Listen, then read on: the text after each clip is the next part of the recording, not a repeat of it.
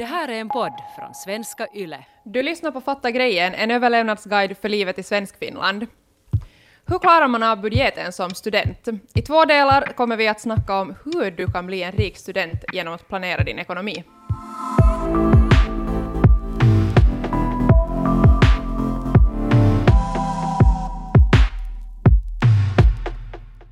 Vi har bjudit in Matilda Hassel som är ekonomirådgivare vid Martaförbundet för att snacka om hur du på bästa sätt får ekonomin att gå ihop som student. Välkommen Matilda! Tack så mycket. Det är jätteroligt att vara här. Som student så känner man ju sig rätt så fattig. Mm. Mm. Men skulle du Matilda säga att man genom planering kan bli en rik student? Jo, jo, absolut.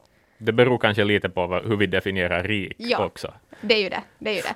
Eh, Men om man tänker så här överlag, så man behöver ju inte vara rik för att bli rik. Mm. Utan man alla börjar någonstans och eh, jobbar sig uppåt. Sådär sakta men säkert. Det att vi sparar pengar så betyder inte att vi behöver ha mycket pengar att spara, utan det räcker ju med, med en euro liksom i taget. Mm. Eh, så att, eh, ja, genom planering, vad vill man? Vill man så går det helt enkelt. Just det. För mig var ju typ att vara rik då jag var studerande, så var liksom typ att man kunde gå på pizza en fredag, Mm. eller någonting i den stilen. Det var som jättesmå saker. Mm. Sådär att, att det beror ju helt på vilka mål man sätter, antar jag också. Sådär att- Absolut, och li- vilken levnadsstandard man vill ha och, Mm. och om det liksom är, är man den som, som är ute och festar och ska ut på restaurang och, och göra det ena och det andra eller, eller är man då en sån som kanske hellre faktiskt tycker om att bara, bara vara hemma och, och se på Netflix eller någonting, så det, det har ju jättestor påverkan på, på ens ekonomi. Så Mm. definitionen på att vara rik så är ju nog väldigt individuell. Det, är- det är jätteberoende på vem man pratar med och vem man frågar och varifrån man kommer och hur ens familj har sett ut och hur Mm. ens hem har sett ut och, och allt sånt här och traditioner och arv och ja, hela grejen. Så här inledningsvis skulle vi kanske kunna börja med att kolla på vad en student har att röra sig med. Alltså vilka möjliga inkomstkällor har man som student? Om du är högskolestuderande Mm. i Finland så får du ju studiestöd. Mm. Du kan också få det på andra stadiet, alltså gymnasie eller yrkesskola.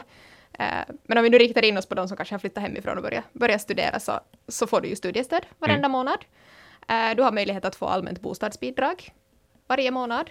Och till det så har du möjlighet att, att jobba vid sidan om studierna. Du kan få arvoden för att du är med i, i någon studentstyrelse eller, eller någonting sånt här. Och gör du bra ifrån dig i skolan så har du möjlighet att få stipendier också. Och, så i princip så kan du ju ha samma inkomstkällor som, som när du inte är en studerande. Det är Mm. sen bara det att det regleras lite, lite mera när du studerar. Precis, man får inte tjäna hur mycket som Nej. helst utan att det Nej. påverkar de där gratispengarna du får, så att säga. Ja, precis. Studiestödet så har en, en inkomstgräns. Eh, den kommer att höjas nu till 2022, Ooh. uh, tillfälligt. Vet vi vad den kommer höjas till? Uh, nej, det har inte kommit ut. Det har varit prat om att en fjärdedel. Eh, så det är ju jättebra, för att det är ju väldigt många unga som har haft det jätteekonomiskt tufft nu under corona. Så det, det påverkar ju förstås ens möjligheter att, att få studiestöd, Mm. hur mycket man förtjänar. Och sen så påverkar ju också ens inkomster det allmänna bostadsbidraget. Gällande det allmänna bostadsbidraget så har, är det lite lösare eller mera lediga eh, sådana här riktlinjer för ens, ens inkomster än för studiestödet. Men då ska man också komma ihåg att, att alla som bor i, i den lägenheten eller i det hemmet så, så allas inkomster räknas ihop. Så då är det inte bara heller dina egna inkomster som, som påverkas utan det är allihopa. Alla som bor i Precis. lägenheten helt enkelt. Sen kan du ju förstås till det här ifall det här inte räcker så kan man ju ta studielån. Mm. Det är ju också liksom att lättar på den ekonomiska stressen ganska mycket.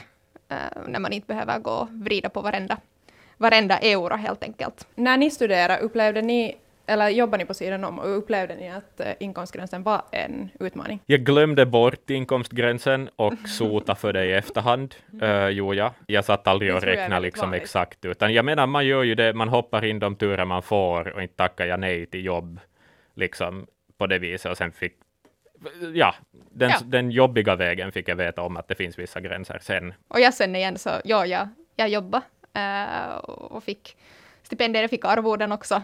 Eh, och jag satt och granskade mitt lönekvitto varenda gång, för att det är ju också bruttolönen som räknas och inte, inte det som du får på konto. Och det är ju också någonting som man Ja. ofta glömmer bort, att man måste faktiskt gå och läsa det där lönekvitto. Men jag betalar också tillbaka mitt studiestöd mellan, mellan två, tre, ibland till och med fyra, Mm. fyra månader. Och det kan man ju göra frivilligt alltid fram till april följande år. Och då får man inte den där räntan, så då får man inte den där smällen som, som du Ah. Axel sm- sen hamnar på. Ja, ja, så ja, att man kan, man kan annullera, både annullera det på förhand och betala tillbaka Men det måste nog vara en jätteliten andel av folk som betalar tillbaka det frivilligt.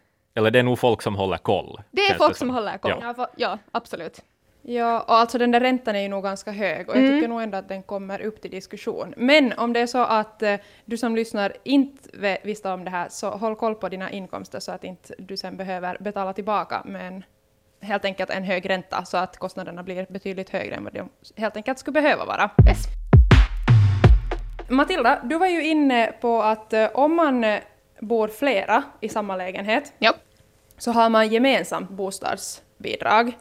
Eh, Hur ska man tänka om man har en gemensam ekonomi just med då en kompis eller en partner? Det är nog att, att våga prata och fundera att hur ni vill göra i ert hem. Ganska naturligt så kanske det blir så att, att man delar på vissa saker och sen har man vissa saker skilt. Om jag måste rekommendera någonting så kanske jag rekommenderar också, också det. Men eh, alltså grunden är att, att oberoende om du är bara kompis eller om du är familj eller om, du, om, om man är tillsammans med någon eller, eller ja, fast man inte skulle känna personen som bor i samma lägenhet som en själv så, så har ni ett gemensamt hyreskontrakt så räknas ni som en, som en familj eller som ett hushåll och då räknas allas inkomster dit. Och då söker man också om ett gemensamt bostadsbidrag. Så då kan man inte heller ansöka om två skilda bostadsbidrag utan det är på gott och ont så är ju kanske FBA här och tvingar oss att prata om, om, Om pengar, pengar. För att man måste liksom fråga den andra att hej, hur ska vi göra med det här? Att jag borde få bostadsbidrag, hur är det med dig? Och man måste prata om att vilken livssituation man är i, vilka inkomster man har och, och sånt där. Så då är det ju kanske då att, att faktiskt öppna upp till den där diskussionen och fundera att, att vad vill vi ha gemensamt? Vad vill vi ha skilt? Och vem är det då som står för det administrativa kring det? Liksom? Att vem är det som faktiskt söker det där bostadsbidraget och, och får in det på sitt konto och kanske också naturligt sen betalar hyran. Men det finns alltså sätt att kringgå systemet? Ja, det finns det alltid. Okej, precis. Två, skilda, skilda hyresavtal Skilda- skulle vara ett sånt sätt ja, då. jag har träffat en som har lyckats med det. Hyresvärdar brukar inte vara sådär jättetaggade på det. Det För låter va- jättejobbigt, ja. Eller Ja. som sådär, skulle jag äga en bostad så skulle jag nog säkert inte tänka att det är det första jag går med på. Eller så, Nej, ja. för att då har du ju möjligheten, eller risken finns ju då att den ena säger upp sin halva av bostaden och så har du bara en halv bostad uthyrd. Mm. Så att det, man måste ju förstå det från, från deras synvinkel också. Men, ja. Om man frågar riktigt snällt. ja, exakt. Om man har den här liksom, kanske långsiktiga planen då, liksom att man vet att nej, men jag kommer nu att bo i den här staden i tre år eller i fem år, att vi kan kanske också då kanske kompensera det med att förbinda oss lite längre till den här lägenheten. Att, att okej, istället för att då förbinda oss till ett år och sen tills vidare så kanske vi kan göra det, göra det lite längre, att vi vet att vi då kommer att kunna bo där. Så det är en trygghet också för, för den som hyr ut Mm. bostaden. Alltså jag börjar fundera att är det möjligt att en tar liksom hyres, alltså liksom förstahandshyreskontrakt på hela lägenheten och sen hyr den andra I andra hand. en del. Mm. Ja, men det påverkar sen också din, din möjlighet att få bostadsbidrag. För att då har du ju en, liksom, i princip en hyresinkomst. Ah, just det. Så att, precis. eh, Men om du har en bulvan som bor i lägenheten, och, men som inte egentligen bor Mm. där, men som är skriven där och hyr ut det i andra hand. Så där kanske skulle finnas någon fin Ja. gråzon att utnyttja om man, Ja. om man riktigt känner på sig och vara äventyrlig. liksom. Om man vill riktigt ha gråzoner så kan man ju faktiskt också göra som så att man, att man skriver ett hyreskontrakt med i den enas namn och sen så har bara den andra sin postadress till exempel hos föräldrarna om det råkar vara i samma stad eller, eller någonting sånt. Då kommer det ju förstås in saker som, som gäller hemförsäkringen och, och sådana såna liksom aspekter. Men Det kan skita sig Det kan- rejält om, om man har Ja. otur. Liksom.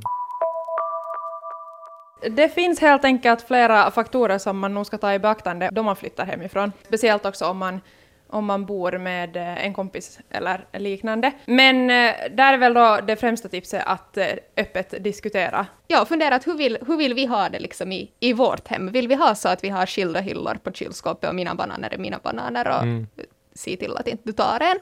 Eller, eller är det då liksom okej att nej, men vi använder ju fortsättningsvis samma dusch, vi använder samma, samma WC, kanske det är okej att inte båda behöver dra hem WC-papper eller tvättmedel och sådana här saker. Att, att kanske det är okej att vi kan dela på vissa saker och sen har vi fortsättningsvis vissa saker som är, som är skilt. Och det finns ju massor av olika system som man kan använda där, att man kan ju försöka göra det, göra det sen så, så jämnt som möjligt. Man kan ja, ha en lapp på kylskåpet där man skriver upp vad man har handlat i det gemensamma hemmet och jämna ut det sen eller, eller sånt här. Men att också fundera att vilken levnadsstandard är det som vi vill ha så att inte den ena då går och köper, köper en massa jättemycket dyra grejer och sen så är den andra sådär att aj nej, att det var inte så här jag tänkte.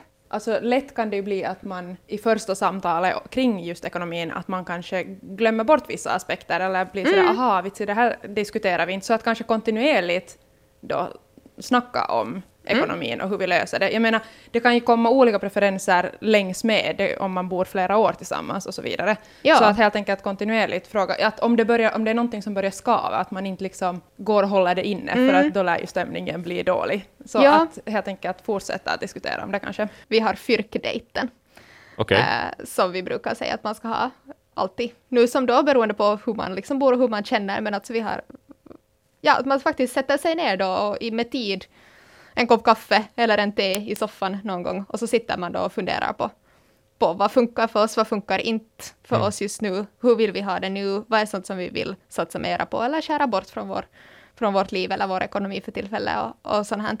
Och det är nog jättebra, tror jag, att göra det och faktiskt ha liksom en, en tid i kalendern att då gör vi det, för då blir inte heller den andra liksom förvånad eller liksom känner sig påhoppad, för att när vi pratar om pengar så kan det ju också, man får den här liksom ångesten när någon börjar sådär att hej, vet du vad, jag tycker inte om när du gör så här, eller, Mm. Ja, ja, då är ni jättesparsam, men annan Ja, gillar att och liksom slösa bort allt Ja. som finns på kontot tills nästa inkomst kommer. Ja, nej, men, men att om vi då istället bestämmer att okej, men nu, vi talar om våra pengar, vi funderar på, på hur vi gör i, i, i vårt hem på fredag klockan fem tillsammans med, med en tekopp innan vi sen går ut och gör någonting kiva tillsammans.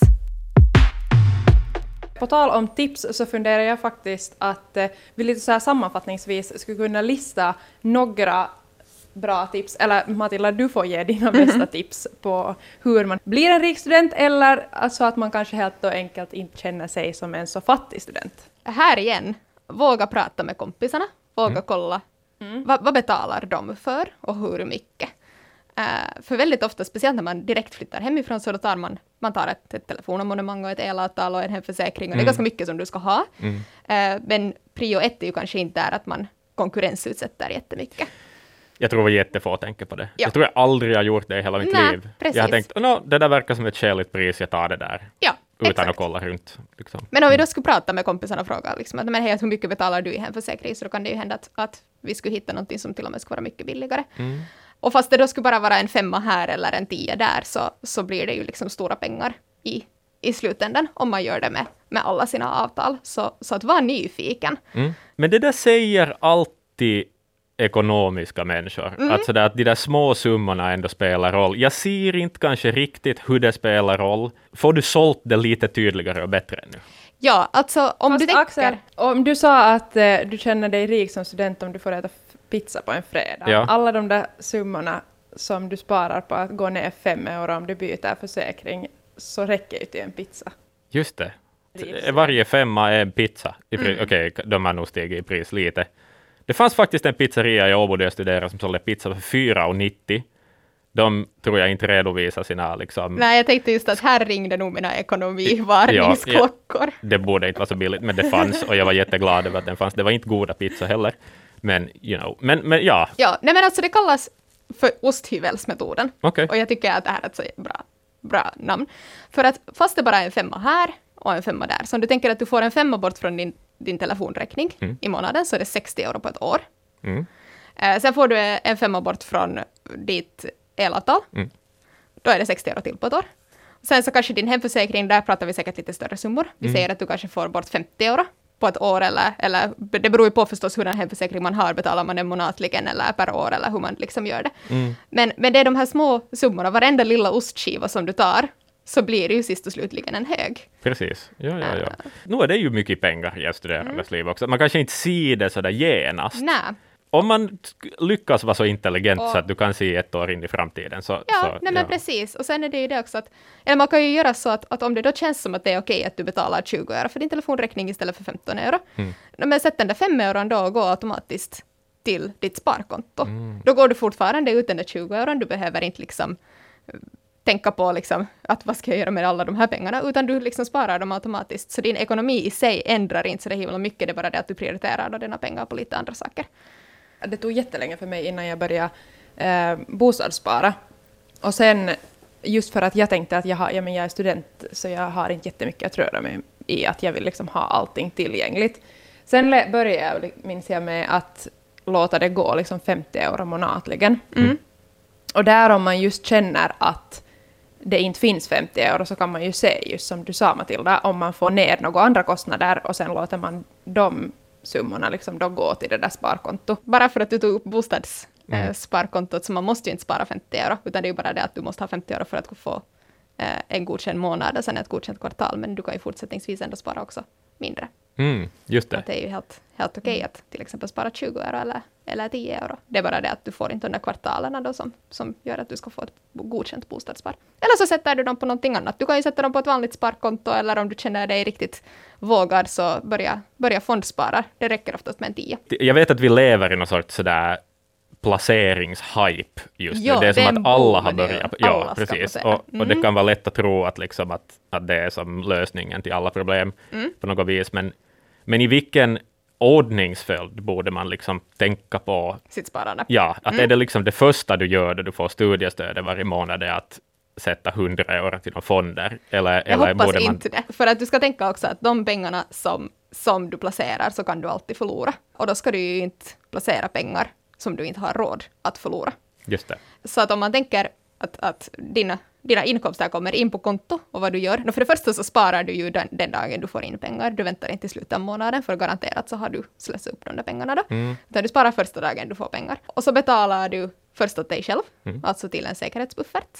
Så att du vet att du klarar dig ifall det händer någonting. Så det här är liksom nödpengar? Ja, det här är nödpengarna. Alltså, sen, sen när FBA kommer in och hittar på någonting att, att du har förtjänat för mycket eller, eller något sånt här och drar in dina stöd, så då måste du fortsättningsvis betala en hyra. Mm. Eh, så det här är liksom den här nöd, nödkassan. Sen efter det så är det vettigt att bostadsspara. Mm. Och sen när du har fått igång det så kan du sen fundera också på några placeringar och så vidare. Just. Orsaken varför jag säger bostadsspar framom fonder, för det brukar folk fråga, så är helt enkelt det att du sparar, du får en bra ränta på ett bostadssparkonto och det är fortsättningsvis riskfritt. Så att, att fast du inte vill placera dina pengar så får du ändå bättre ränta än att du skulle ha det på ett Sparkonto. Just det. Du behöver inte sätta de där pengarna på att köpa en bostad sen om du typ... Nej, om, det sen, om det sen visar sig att du får något trevligt arv eller du absolut inte vill köpa din bostad eller en bostad eller nå- någonting sånt här, så då är det bara att avsluta det. Du har fortsättningsvis pengarna kvar och du har fått lite ränta på det. Okej, men finns det ännu fler tips? Det är nog att gå igenom sina vardagliga alltså konsumtionsvanor, sina prenumerationer på, som dras från bankkorten och sen fundera att vad är liksom viktigt för, för mig. Till exempel är prenumerationer som dras rakt från ens, ens kort, så vi glömmer också ofta bort kanske att att eh, avsluta dem när vi inte vill ha dem något mera och sånt här. Och sen ett utträde så har det då gått, gått ut fem gånger 9,90 en, en månad. Och det är ju en ganska stor summa. Så att faktiskt koncentrera de pengarna på sånt som är viktigt och som man upplever att man behöver. Sen finns det ju YouTube som man behöver inte heller liksom betala för, för allting. Du betalar med att titta på annonser istället. Precis. Ja. Och sen fundera liksom att vad är, vad är sånt i min fritid som jag absolut måste ha. Det är ju ingen vits att du betalar för ett gymkort om du går till ett gym en gång i månaden. Mm. Bara för att liksom kompisarna tycker att det är jättekult att ha ett gymkort. Mm. Eh, så då är det ju helt onödigt att man betalar för det. Så att fundera att vad är nu viktigt för mig? Och sen fundera att vad är liksom mina, mina vanor? Alltså Mm. sånt som jag gör varenda dag. Det är ju jättevanligt att man mellan föreläsningarna går ner till kafeterian och tar en take-away-kaffe. Mhm. Och när du då har en lång dag och du har gjort det tre gånger på en dag så har det snabbt nästan blivit ja, mellan 5 och 10 euro. Och så gör du det då fem dagar i veckan. Och du tänker kanske inte ens på att du går och tar den där kaffen. För det är en så liten utgift varje gång, exakt. Ja, Precis. eller så är det Mm. den där chokladpatukan som kommer med varenda gång när du är i butiken eller, eller något. Men att det är de summorna sen som faktiskt blir stora i, i längden. Mm. Så vad är din lösning då, att man ska ha med kaffe i termos? För där måste man ju lite fundera på livskvalitet. Men det kan ju vara godare kaffe, det man tar Ja, med sig hemifrån. Om, om man liksom gillar bra kaffe så får du säkert bättre kaffe hemma än vad du får på någon studentlunchpajka. Ja, och jag är ju också en sån nu som tycker Jag också jättemycket kaffe om i kaffe. termos klockan tre på eftermiddagen. Ja, nej, det kanske inte funkar. Men då kan du kanske tänka att du tar med din första kaffe Mm. i en take-away-termos och sen köper du en kaffe på eftermiddagen. Mm. Så att inte handlar det ju om heller att man, att man... Vi kan ju inte skära bort allt som är roligt i vårt liv, för att då skulle det ju faktiskt bli jättetråkigt. Då vi talar om studenter, unga vuxna, med som lever med begränsat med pengar, Samtidigt förväntas man ju ändå delta i fester och, och öl och alkohol och festligheter och vad det nu än må vara, är en del av dina utgifter, för många åtminstone. Ja. För andra, för andra kan, behöver det inte vara det, men, men för många är det det. Mm. Att, att där, där tänker jag ju sådär ekonomiskt så är det ju ungefär det dummaste du kan sätta pengar på. Vad jag säger kanske är det att det är alltid fascinerande hur studerande alltid har råd att festa. Ja, Och, det, och det där är liksom, stämmer. alla har sina lösningar på Ja. något vis. Liksom. Och sen kanske den här diskussionen leder lite till det att ska man supa upp sitt studielån? Vad är ditt svar på den Mitt- frågan? Fråga inte vad jag gjorde. Mitt svar på det är att om det ger dig en sån livskvalitet och den livsglädjen som du behöver, Mm. eh, så då måste du ju göra det då. Studielånet är till för att göra ditt liv lite lättare som student. Studielånet har inte liksom blivit framtaget i Finland för att du ska ha möjlighet att placera och spara och det ena och det andra. Har du möjlighet till det så då är det ju liksom jättebra för dig. Men är, är, det, är det det som ger dig glädje att du, att du super upp det så då, då måste du göra det då. Alltså jag menar, du lär ju dig säkert någonting av det i något skede. Mm. Vi måste allihopa göra, göra både smarta beslut och kanske lite dummare beslut ibland. Men att det, Sen är ju sociala relationer är ju också jätteviktiga. Det är Så det kanske jätteviktigt. man får ut av att... och speciellt nu liksom under corona så är det så viktigt att vi också satsar på sånt som vi får energi av och sånt som, vi gör att, som gör att vi mår bra. Så Och tänker man framåt så kan det ju vara också att de som man har festat med, de man har studerat, så kan vara att de i framtiden blir eh, ens kollegor eller eh, chefer eller arbetsgivare eller vad som helst. Att det är liksom, man vet ju aldrig vart vägarna far heller. Så Nej, att, jag, jag tror man skapar extremt mycket kontakter på baren som, som nog faktiskt är värda sen mycket i framtiden. Så. Mm. Det här var veckans avsnitt av Fatta grejen. Missa inte nästa veckas avsnitt, för då svarar Matilda på alla era frågor om ekonomi. Tack för att du lyssnade. Om du vill diskutera vidare om hur du får koll på din ekonomi så får du jättegärna höra av dig till hanna.lundqvist.yle.fi eller till dig Axel. Axel.brink.yle.fi. Men jag skulle inte höra av mig till mig själv. Jag tror att Matilda har ännu bättre koll. Får man höra av sig till dig också? Förstås, absolut. Eh, på marta.fi så hittas både min mailadress och min telefonnummer. Det är bara att ringa eller whatsappa eller sätta mail när som helst. Och där finns även en kalender så att man kan boka en privatekonomisk tid till mig via Teams. Så då sätter vi oss ner en timme och bara, bara snackar om just din situation. Du hittar oss också på Instagram under namnet Yle Extrem Nyheter.